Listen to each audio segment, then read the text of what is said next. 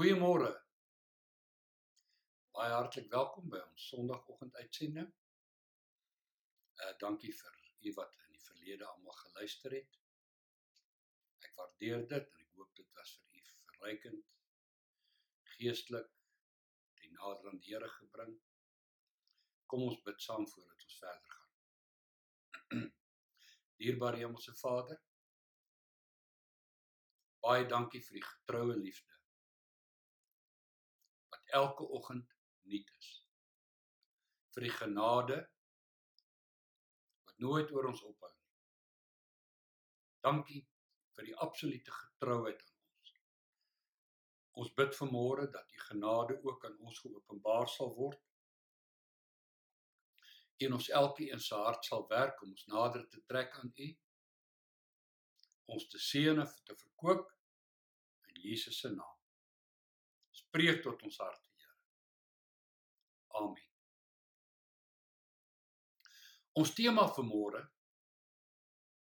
is die vraag: terug kerk toe. En ek wil sê 'n duisend maal nee. Dit klink dalk vreeslik. In die lig daarvan dat die pandemie en die Bybel ons oproep tot bekering. Maar luister my uit. Ek verneem dat die aanvraag na Bybels toegeneem het sedert die pandemie uitgebreek het. Ek hoor ook dat mense wat nooit voorheen na preke op radio, TV of die internet gekyk het nie, nou skielik luister om te hoor wat het die kerk of die predikante of wie ook al te sê oor hierdie pandemie. Ek hoor daar is 'n geweldige toename en belangstel in die boek van Openbaring en wat dit leer oor die eindtyd. Ek ontvang video's van mense wat in uh Suid-Amerika en Italië in die strate op hulle knieë staan by hulle honderde en duisende en roep na God vir 'n genadige ingryping om hierdie virusepidemie te stop. Baie kyk daarna, dink daaroor en noem dit herlewing. Of dink dis herlewing. Die vraag is is dit is dit herlewing en bekering? Beteken al die goed iets? Dit kan wel iets beteken, kan ook niks beteken. Kom ek verduidelik. Duisende wat in die straat bid om genade en God se hulp is nie noodwendig herlewing of bekering nie. Dalk dalk nie. Is die nood leer bid sê die spreekwoord. Selfs die ateës roep o God help as hy karwel. Die vraag is Wat is hy môre? Wat en hoe is ons en leef ons as die pandemie verby is? Die Suid-Europese state so Spanje, Portugal, Italië is in elk geval baie godsdienstige mense. Hulle almal bid gereeld en hulle bid gereeld op straat. Ek het hulle gesien in Spanje terwyl ek en my vrou die Camino gestap het. Hulle het op die straathoeke gebid, in die parke gebid, langs die kerke voor die kerke binne in die kerke gebid. Mense op pad werk toe, glip gou by die kerk in, doen 'n gebed, maak 'n paar kruise.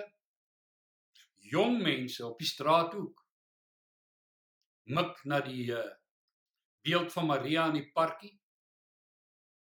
Maak sy kruis. Spreek hulle gebed, waak meer sy kruis en dan gaan hy. Dis standaard hoe hulle lewe. Die vraag is is dit herlewing? Is dit bekering? Is dit wat God deur die pandemie vir almal wil sê? As hy dit wil sê, hoekom sê hy dit so hard in Italië? Die oproep tot bekering is nie 'n oproep tot godsdienstigheid nie. Jy sien godsdiens so baie algemene ding. Die meerderheid van die mense op aarde is godsdienstig. Die ateëste is 'n klein ou minder karetjie al maak hulle groot geraas. Godsdiens word beoefen deur die Hindoes. Deur die Boeddiste. Die Taoïste. Die Shintoes. Die Moslems. Die Susterskerke. Die Pinksterkerke. Die Charismatiese kerke. Die tradisioneel Engelse kerke. Die Mormone. Die Adventiste. Die Jehova getuies. Almal van hulle bedryf en beoefen godsdiens. Roep die pandemie ons tot herlewing in godsdienstigheid? Ek persoonlik dink nie so nie. Kom ek verduidelik. Terugkeer na die Bybel kan 'n waardelose, nuttelose oefening wees. Want Paulus sê in 2 Korintiërs 3 vers 14 maar hulle sinne is verhard. Want tot vandag toe bly by die lesing van die Ou Testament dieselfde bedekking sonder dat dit opgelig word. Die bedekking wat in Christus weggeneem word. Baie mense lees die Bybel en verstaan glad nie waaroor dit gaan nie. Baie godsdienstige mense in al die verskillende kerke lees die Bybel en weet glad nie waaroor dit gaan nie. Daar is 'n bedekking, 'n sluier. Hulle is blind en doof.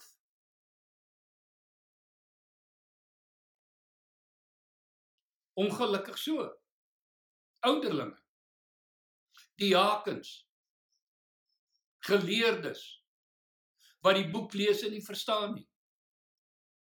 Nie insien in die volmaakte wet van vryheid nie.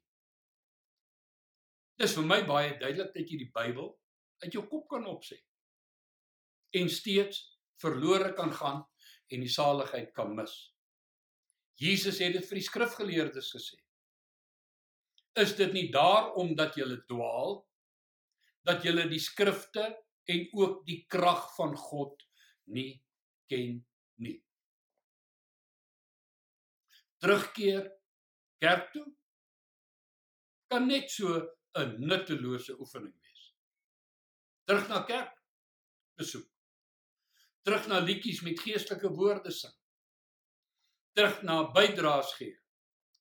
Rituele seremonies en 'n paar goeie dae moet nooit vergeet dat jy baie baie moeilik beter en getrouer kerklidmate in die hande kan kry. Beter ouderlinge, beter diakens, beter leraars, beter kerkraadslede as wat die fariseërs en die skrifgeleerdes was nie. Hulle het ordentlik aangetrek. Hulle het gebid. Hulle het gevas hulle tiendes gegee selfs van Anys en Koljander daar in die vrou se krye tuintjie ingegaan 'n tiende daarvan gepluk en kerk toe gepikkel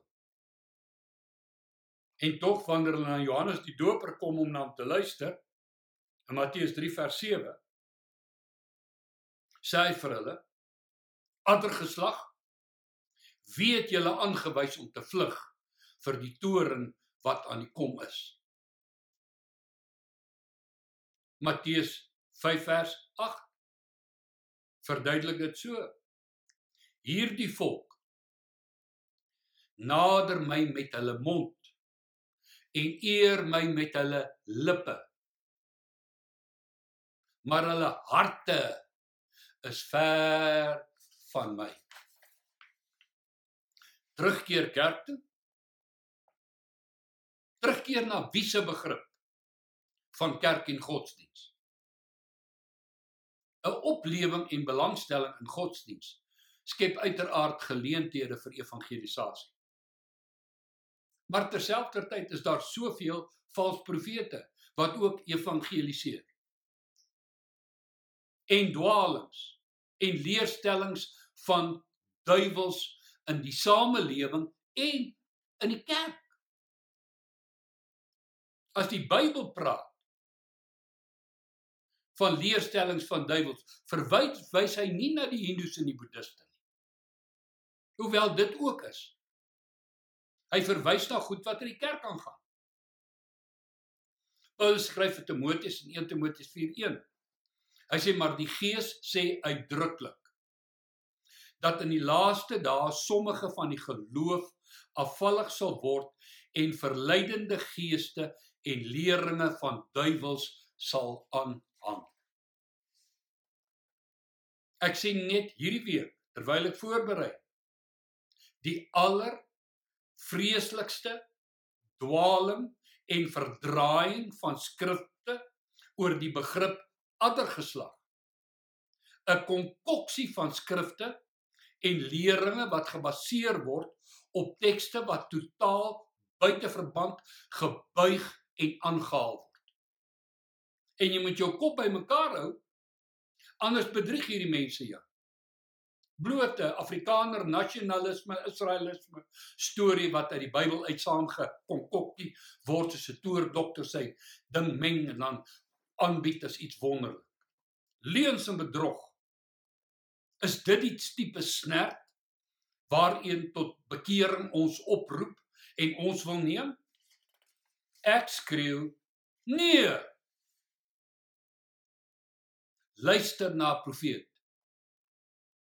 'n regte profeet. Nie een van die dosyne wat hier rondloop en hulle self die titel profeet gegee het om hulle eie status en ego 'n inspuiting te gee. Man van God hierdie een. Amos 5 vers 21. Die Here God is aan die woord. En hy sê: Ek haat.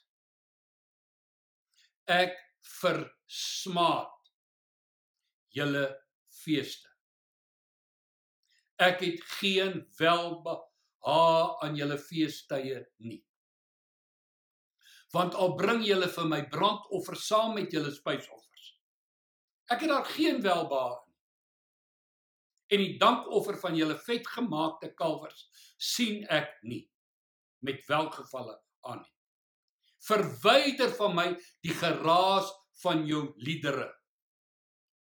Na die geluid van jou harpe wil ek nie luister nie. Maar laat die reg aanrol soos watergolwe en geregtigheid soos 'n standhoudende stroom. Klink amper soos wat die Here Jesus aan die gemeente in Laodicea sê in Openbaring. Julle is ryk, julle het verryk geword, julle sê julle het geen gebreke nie. Intussen tyd is julle arm, naak en blind. As jy oor julle nie warm of koud is nie, maar lou, sal ek julle uit my mond uitspuug. Die intensiteit van die weersin van God in ons godsdienstigheid waar ons harte ver van hom af is. Die probleem met godsdienstigheid is werklik net mooi dit wat Matteus 15 vers 8 sê. Hierdie volk nader my met hulle mond, hulle eer my met hulle lippe, maar hulle harte is ver van my af. Ek dink regtig nie dat God deur die pandemie of die Bybel of die predikers ons oproep tot kerkbesoek, lidmaatskap, rituele positiewe belydenis, die geblaas van ramshorings, geslagsregisters, Bybelstudie, nasionalisme of godsdienstigheid. Al die goed is sommer snert. Vir die wat nie weet nie, snert is die naam van 'n uh, Nederlandse of Hollandse ertjiesop. Paulus gebruik 'n baie erger en sterker woord in Filippense 3 vir al die goed. Hy noem dit drek as jy nie weet wat drek is nie, Paulus sal vir uh, of ek verwys hier na die woorde verklarende woordeboek, dit, dit sal vir die verduidelik. Maar dit bring my by vanoggend se teks. By die kern van my boodskap en my preek. As jy dit 'n preek wil noem. Dit bring my eintlik by die kern van die ganse Bybel. Dit waaroor alles. Dit waaroor bekering gaan. Dit waaroor die evangelie gaan. Die hart van die Jesus Christus boodskap. Hier is die teks. Jesus is aan die woord. Die Here praat. Die bevelvoerder praat. Die koning van die konings praat. Hy praat met die skrifkenners, die Bybelstudieleiers, die geestelikes, die godsdienstige voorlopers. En die meester sê Johannes 5 vers 39. Julle ondersoek die skrifte omdat julle meen dat julle daarin die ewige lewe het. Wat sê hy? Hy sê julle doen Bybelstudie. Julle dink julle gaan 'n paar goedjies daar kry en hierdie goedjies gaan julle help om die ewige lewe te hê. O, Jesus sê watjie, kom ons hou. Hier's 'n varkie, kom ons eet hom nie. Julle dink. Hy sê al hierdie skrifte getuig van my. En julle wil nie na my toe kom dat om die lewe te hê nie. Kom ek lees dit weer. Julle ondersoek die skrifte omdat julle meen dat julle daarin die ewige lewe het. En dis die wat van my getuig. En julle wil nie na my toe kom om die lewe te hê nie. Die lewe is te kry by Jesus Christus as persoon. Bekering is 'n oproep om na Jesus toe te kom sodat hy jou lewe kan gee. Kom ek vertel vir jou wat hy gaan doen met jou as jy by hom uitkom. Hy gaan jou oortuig van sonde, geregtigheid en oordeel deur die Heilige Gees. Johannes 16:8. Jy gaan soos Jesaja in die sterfjaar van koning Isia toe hy die Here sien sit op 'n hoëne verhewe toon, uitroep: "Wee my! Ek's 'n man van onrein lippe. Ek woon onder 'n volk wat onrein van lippe is." En hy het gesidder en gebeef. Dis wat met jou gaan gebeur as jy by hom uitkom. Jou arrogansie gaan verdwyn. Alles waarin jy roem gaan verdwyn. Jou eie ek gaan verdwyn. Jy gaan sidder en bewe en uitroep om genade. Jy gaan smelt en verkrummel in die heerlikheid van sy goddelikheid. Toe Jesaja daar neerstort en uitroep ek is 'n man onrein van lippe in die teenwoordigheid van God. Hy sien en ervaar God se heiligheid en sy eie waardelose sinnelose sondige gepraat en lewe. Toe stuur die Here 'n engel wat met 'n tang 'n koolvuur van die altaar afhaal en hy kom raak sy lippe aan en hy maak jou maak hom skoon. Dis ook wat met jou gaan gebeur as jy by Jesus uitkom. Hy gaan jou skoon maak. Jou reinig. Jou was, jou bad, jou herskep. Jou verlos van jou sonde jou bevry en jou nuut maak, jou hart reinig, jou mond uitspoel, jou gewete fyn instel. Dis wat Johannes die Doper sê. So in lyn met Jesaja se ervaring. Hy wy verwys na Jesus, dan sê hy onder julle is hy wat julle nie ken nie. Hy sal julle doop met die Heilige Gees en met vuur en hy sal die dorsvloer deur en deur skoon maak. Wat Jesus aan jou gaan doen, is hy gaan jou deur en deur skoon maak, soos vuur kaf verbrand sal sy heilige teenwoordigheid al die dros uit jou lewe uitbrand. en jy sal sing. Blye versekering Jesus is my. Jy sal 'n nuwe mens wees. Jy sal weet ek is vergewe. En ek gaan met jou 'n pad stap van heiligmaking en geestelike groei. 2 Korintiërs 5:17 sê Paulus: Daarom as iemand in Christus is, is hy 'n nuwe skepsel. Die ou dinge het verbygegaan. Kyk, alles het nuut geword. As jy nie by hom uitgekom het as hy jou nie gewas en gebad, gereinig en herskep het nie. Moenie dat iemand jou sommer net vertel jy's in elk geval gebad en gereinig en gewas. Net omdat jy iewers langs die pad dalk gedoop is of aangeneem is of 'n belydenis in die kerk opgesê. Ons het nie hier te doen met 'n teologie of 'n dogma of 'n filosofie van bad, was en reinig nie. Ons het te doen met 'n lewende God wat deur die bloed van sy seun en die werking van die Heilige Gees ons prakties wil bad, was, skoonmaak, reinig, heilig, herskep. Nee. Vra hom om jou nie te maak.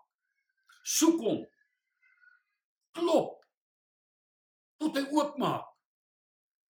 En dan sê hy vir hom: "Skenk my Heilige Gees, laat hy kom en my dros wegbrand. Maak my dorsvloer skoon, Here, dat my lewe kan vrug dra." Maak soos die mense deur Jesus beskryf in Matteus 11 vers 12. Hy sê maar die dae kom. Maar van die dae van Johannes die Doper af tot nou toe word die koninkryk van die hemele bestorm en bestormers gryp dit met geweld. Lukas 16:16 16. stel dit so. Jesus sê die wet en die profete was tot op Johannes. Daar het gestop. Van toe af gebeur daar iets. Die evangelie van die koninkryk van God word verkondig. Sy heerskappy in ons lewens. Hy sê en elkeen dring dit met geweld binne. Dis nie bisie bisie bame. Vou die handjie same. Dis Jesus seun van Dawid. Wees my arme sondaar genadig. Dis red my Here. Dink aan my gaan my nie verby nie o Heiland. Seën ook vir my. Dis 'n uitroep na God se genade oor jou lewe met uit jou hart en met intensiteit, met opregte bedoeling. Jy sien, dis wat Paulus in Kolossense sê. Kolossense 1:27. Hy sê aan wie God wou bekend maak wat die rykdom van die heerlikheid van hierdie verborgenheid onder die heidene is. Dis Christus onder julle die hoop van die heerlikheid. Kolossense 1:27 in die nuwe vertaling stel dit vir my mooi. Hy sê God het besluit om aan hulle bekend te maak, dis die heidene. Hoe seën ryk en heerlik hierdie geheimenis vir die nasies is hierdie wonderlike fantastiese boodskap wat niemand verwag nie. Dat God bereid is om die heidene, die afgode dienaars, hulle wat vuil en onrein is, hulle wat goddeloos is en die duiwel dien, dat hy bereid is om hulle te vergewe, hulle te was, hulle skoon te maak en self in die plek van die bose in hulle harte te kom woon deur die Heilige Gees. Hy sê die inhoud daarvan is Christus in julle. Christus in julle. Hy is julle hoop op die heerlikheid. God is hoegenaamd nie geïnteresseerd in watter dae ons heilig of onheilig ag nie. Hy's ook nie geïnteresseerd in ons rituele, ons dogmas en ons teologie per se nie. In ons godsdienstigheid, in ons feeste, in ons geslagsregisters, in ons afstammeling en pedigree en suksesse en status en mag en posisie en belangrikheid. God soek die herstel van sy heerlikheid in ons. Luister mooi. God soek die herstel van sy heerlikheid en teenwoordigheid in ons. Romeine 3:23 sê ons het almal gesondig en dit ontbreek ons aan die heerlikheid van God. God se heerlikheid is deur sonde uit ons lewe gesteel en hy wil dit herstel. Deur self hier te kom woon. En sonder dit het ons geen hoop op heerlikheid nie. Dis hoekom Paulus Jesus Christus die Here preek. Paulus preek nie wette, reëls, regulasies, resepte, soet soetsappighede. Hy preek nie tradisies, geslagsregisters, sabbate, feeste, kosvoorskrifte, dogmas, kerse, meditasie, pelgrimstogte, nasionalisme, liberaliste, vas, rituele, besnydenis, wetsonderhouding nie.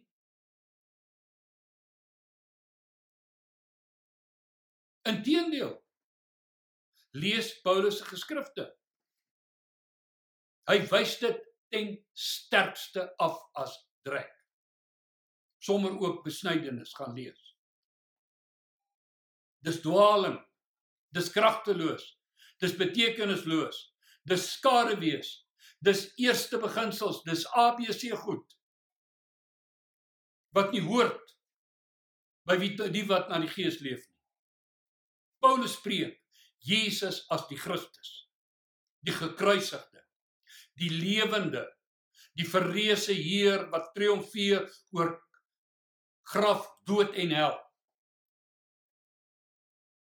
Paulus spreek hom as redder, as verlosser, as bevryder, as ons enigste hoop. Hy preek hom as komende koning, as inwonende kragbron vir 'n heilige en oorwinnende lewe. Hy weet slegs die wet van die gees en lewe in Christus Jesus. Kan ons verlos van die wet van die sonde en die dood. Al die ander goed doen niks aan ons hart nie. Miskien aan ons emosies, ons gevoelens, maar aan ons hart, aan wie en wat ons is, maak dit geen verskil nie. Net sy gees kan ons gees besny en ons die wedergeboorte gee en ons verlos van sonde. Daarom is my boodskap nie terug kerk toe nie, maar kom by die Here Jesus Christus uit. En hy is nie ver van jou nie. Handelinge 17:27 praat van God wat uit al die na uit een bloed al die nasies van die aarde geskaap het sodat hulle die Here kon soek of hulle hom miskien kon aanraak en vind al is hy nie ver van elkeen van ons nie. Jakobus 4 vers 8 sê nader tot God en hy sal tot julle nader reinig die hande julle sondaars. Suiwer die harte julle dubbelhartiges. Jakob die bedrieger. Seun van Isak. Moes worstel met God in Jabok se driffie hy het God die heel nag gestoei. En toe die lig begin breek toe sê die Here los my laat ek gaan En hy doen dit altyd. Hy soek jou opregte, waaragtige begeerte om gered te word. En Jakob sê ek sal u nie los voordat u my geseën het nie. En toe seën die Here hom. Hy gee hom 'n dwarsklap wat sy lewe vir altyd verander. U sien, God is nie besig met bisie bisie bame, godsdienstige speletjies en rituele wat hom gelukkig hou. God wil jou hê. Jou hart hê. Hy wil jou red en jou verlos. Hy wil jou skoon maak en jou was. Dit gaan oor wie en wat jy is en waar jy die ewigheid gaan deurbring. Bloot terug kerk toe? 1000 maal nee. Gebedjies opsê? Nee. Diens bywoon? Nee.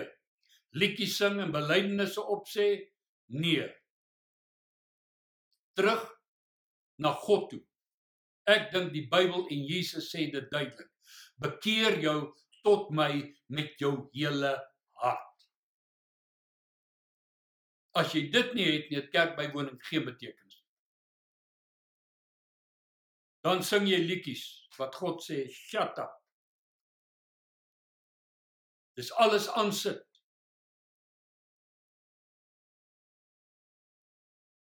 Jesus Christus het nie in hierdie wêreld gekom om mense van verf te verskaf om hulle self wit te pleister nie. Deur die fariseërs sonder sy hulp goed gedoen.